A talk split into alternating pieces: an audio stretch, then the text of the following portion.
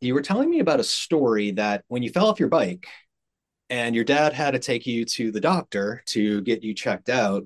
Uh, I was pretty young, so it's kind of hazy, but it was like it's a core memory. I still remember it to this day that I fell off my bike. I went to uh, we went to the emergency room. We had to wait for some time, and I finally escorted me into the ER room, and they checked my leg, and they start telling me stuff, and I'm like, my dad is like, "What's going on?" And I'm I am really in pain because there's a rock lodged in my knee, and I'm six. Yeah. So uh, the doctor tries to tell him, and I try to tell him through my pain that what's going on and what they're gonna do.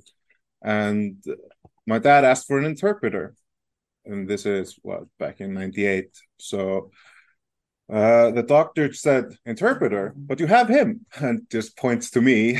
Oh wow! In pain, holding my knee, trying to explain, and right. Yeah, and uh, my dad stood firm and said, "No, he's your patient. I'm the parent. I deserve to get the information too." And he's six years old, and I tell the doctor that, and uh, yeah, and we had to wait. Uh, I think uh, two or three hours more to get an interpreter over, and then there was also a dispute about who's paying and because the laws were pretty new with getting like uh like the interpreter should be paid by the state mm-hmm. and the yeah and they it, it was a long back and forth there as well but we got the interpreter we stood on for our rights it took a while i was in a lot of pain but we got there in the end yeah and that's that's daily for Codas like me just uh having to be the head of the household like manage information that they shouldn't have to know about. They should just be allowed to be kids. Wow. Yeah. yeah. And during times when, like you said, you're you're in pain. Yeah. yeah. and so, that's just daily. The walkout of 1978. Yeah. Uh, your father was involved, or your father was in that as well. He, right? he was pretty young at the time. Okay. So okay. he was not like uh, the, the older kids were the heads spearheading that. I I haven't called anyone or mm-hmm. anything, mm-hmm. but that was that's like the big thing in Icelandic Sign Language history where they stood up. They said, if you're not going to teach me in my native language, in my native home, in the school meant to teach me, then I'm out of here and you have no one to teach. And they start to scramble. It took uh, from 78 until 1980 to get it through parliament to make uh, that the deaf children should be taught in sign language. Wow. Yeah. Wow. So it really it, it took an act of political yeah you know social disobedience if you will to make definitely make because those kids were just shoved in the corner and handed off to specialists and they gladly just took them in like my father lived in a dorm from three and a half until 18. Hmm. And uh, his family, my family, my grandmother and grandfather, they lived in Akureyri, which is uh, four hours now to drive, four or five hours to drive now. It was uh, six to eight hours back then.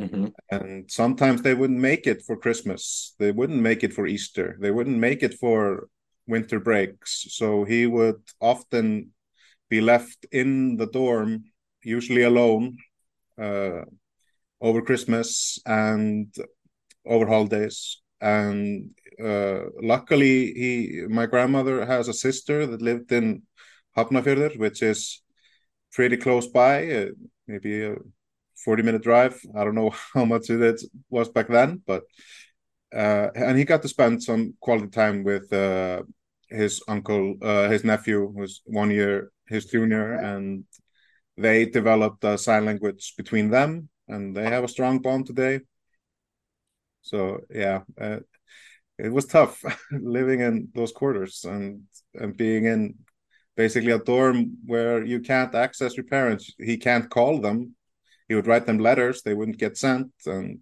it's just if he could write because the school wasn't like my dad still has problems writing and doesn't believe in himself when it comes to writing Icelandic.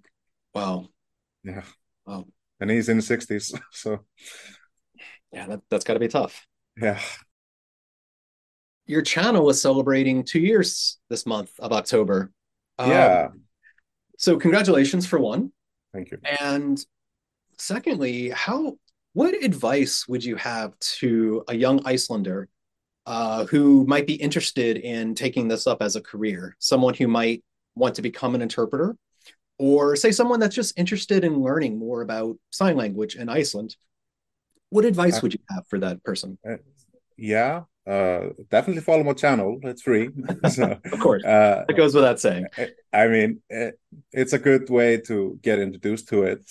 But uh, if you're serious about it and you have time and you are dedicated to learning about sign language, you should definitely go to the SHH, the Communication Center. Uh, they handle all teachings of sign language. They're the only ones who have official licenses to teach uh, Icelandic Sign Language.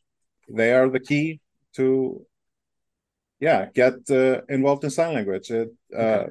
And maybe if you're really interested, you should go and like go to deaf events and talk to deaf people and not just look at them through the glass and just try and communicate because deaf people are desperately trying to be understood and they will do anything to make you understand and Excellent. really fun to communicate with. Excellent. Um, and also to that, would you recommend any social events around Iceland, either be it Akureyri, Reykjavik? Yeah, uh, Reykjavik is the mecca of okay. Icelandic Sign Language. There are there are very few that are scattered about. I mean, just with the rights and uh, everything, uh, I would recommend Reykjavik. It's really the only place. They have started teaching uh, sign language in Akureyri. Mm-hmm. I don't know how that is, but if they're connected, uh, since they're connected with the the communication center, they should be approved and they have the license to do it. So, in any means, it yeah. Excellent. Okay, and to the last point, um, I know there have been strides that Iceland has made um, as far as laws regarding uh, sign language and just access and accessibility for disabled folks. But in this day, what are some of the challenges that the deaf population still might still face? Uh, well, we still only get this uh, news segments translated every day.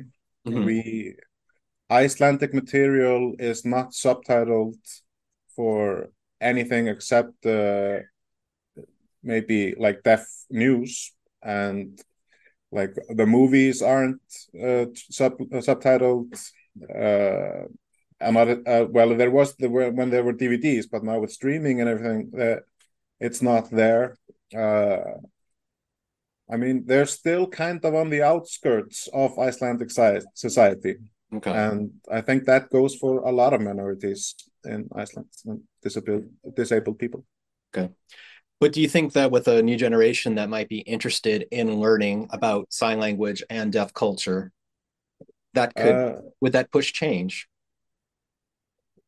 The way I'm seeing it, uh, people that are have are hearing impaired and uh, that uh, are with cochlear implants, they are motivated to go they just go to their school for most part and they are treated as hearing and there's a lot of focus on that and like uh, Icelandic sign language it's going extinct. And that was one of the reasons why I started with my channel for free. It's just to spread it out there get people interested. So uh, it's a pretty bleak place right now, and like you have experienced, they haven't been a lot. There has been a lot of communication, uh, and they remain kind of closed to uh, to like the hearing. Like they don't want to like cross the like uh, I don't know how to phrase it. Uh, they don't want to get over the threshold of like introducing hearing people and demanding that people that are hearing impaired get the free access and how to access it. Mm, okay. Is there so in ASL, sometimes there is a fear because there you have a unique situation where there are more people interested in the language than there are people natively using the language. And that just has a natural byproduct of interfering with and maybe even changing how the language is developing. Um, I, I've heard a couple of, I've heard and seen a couple of articles talking about spoken Icelandic and the fear of English kind of, you know, yeah. a lot of the younger kids just taking on more and more English words uh, in yeah. daily language use. Um, is that a fear with Icelandic Sign Language as well? Uh, somewhat.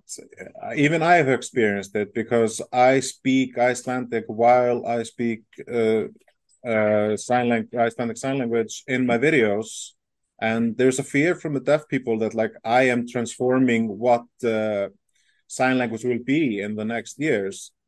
I'm just hoping there will be a sign language in the next few years and if people were really interested in getting to know it, I recommend they go to deaf people and try and experience it for themselves. That's how I learned. And like, it's not Icelandic and Icelandic language is not one to one because it's it's really separate. Mm-hmm.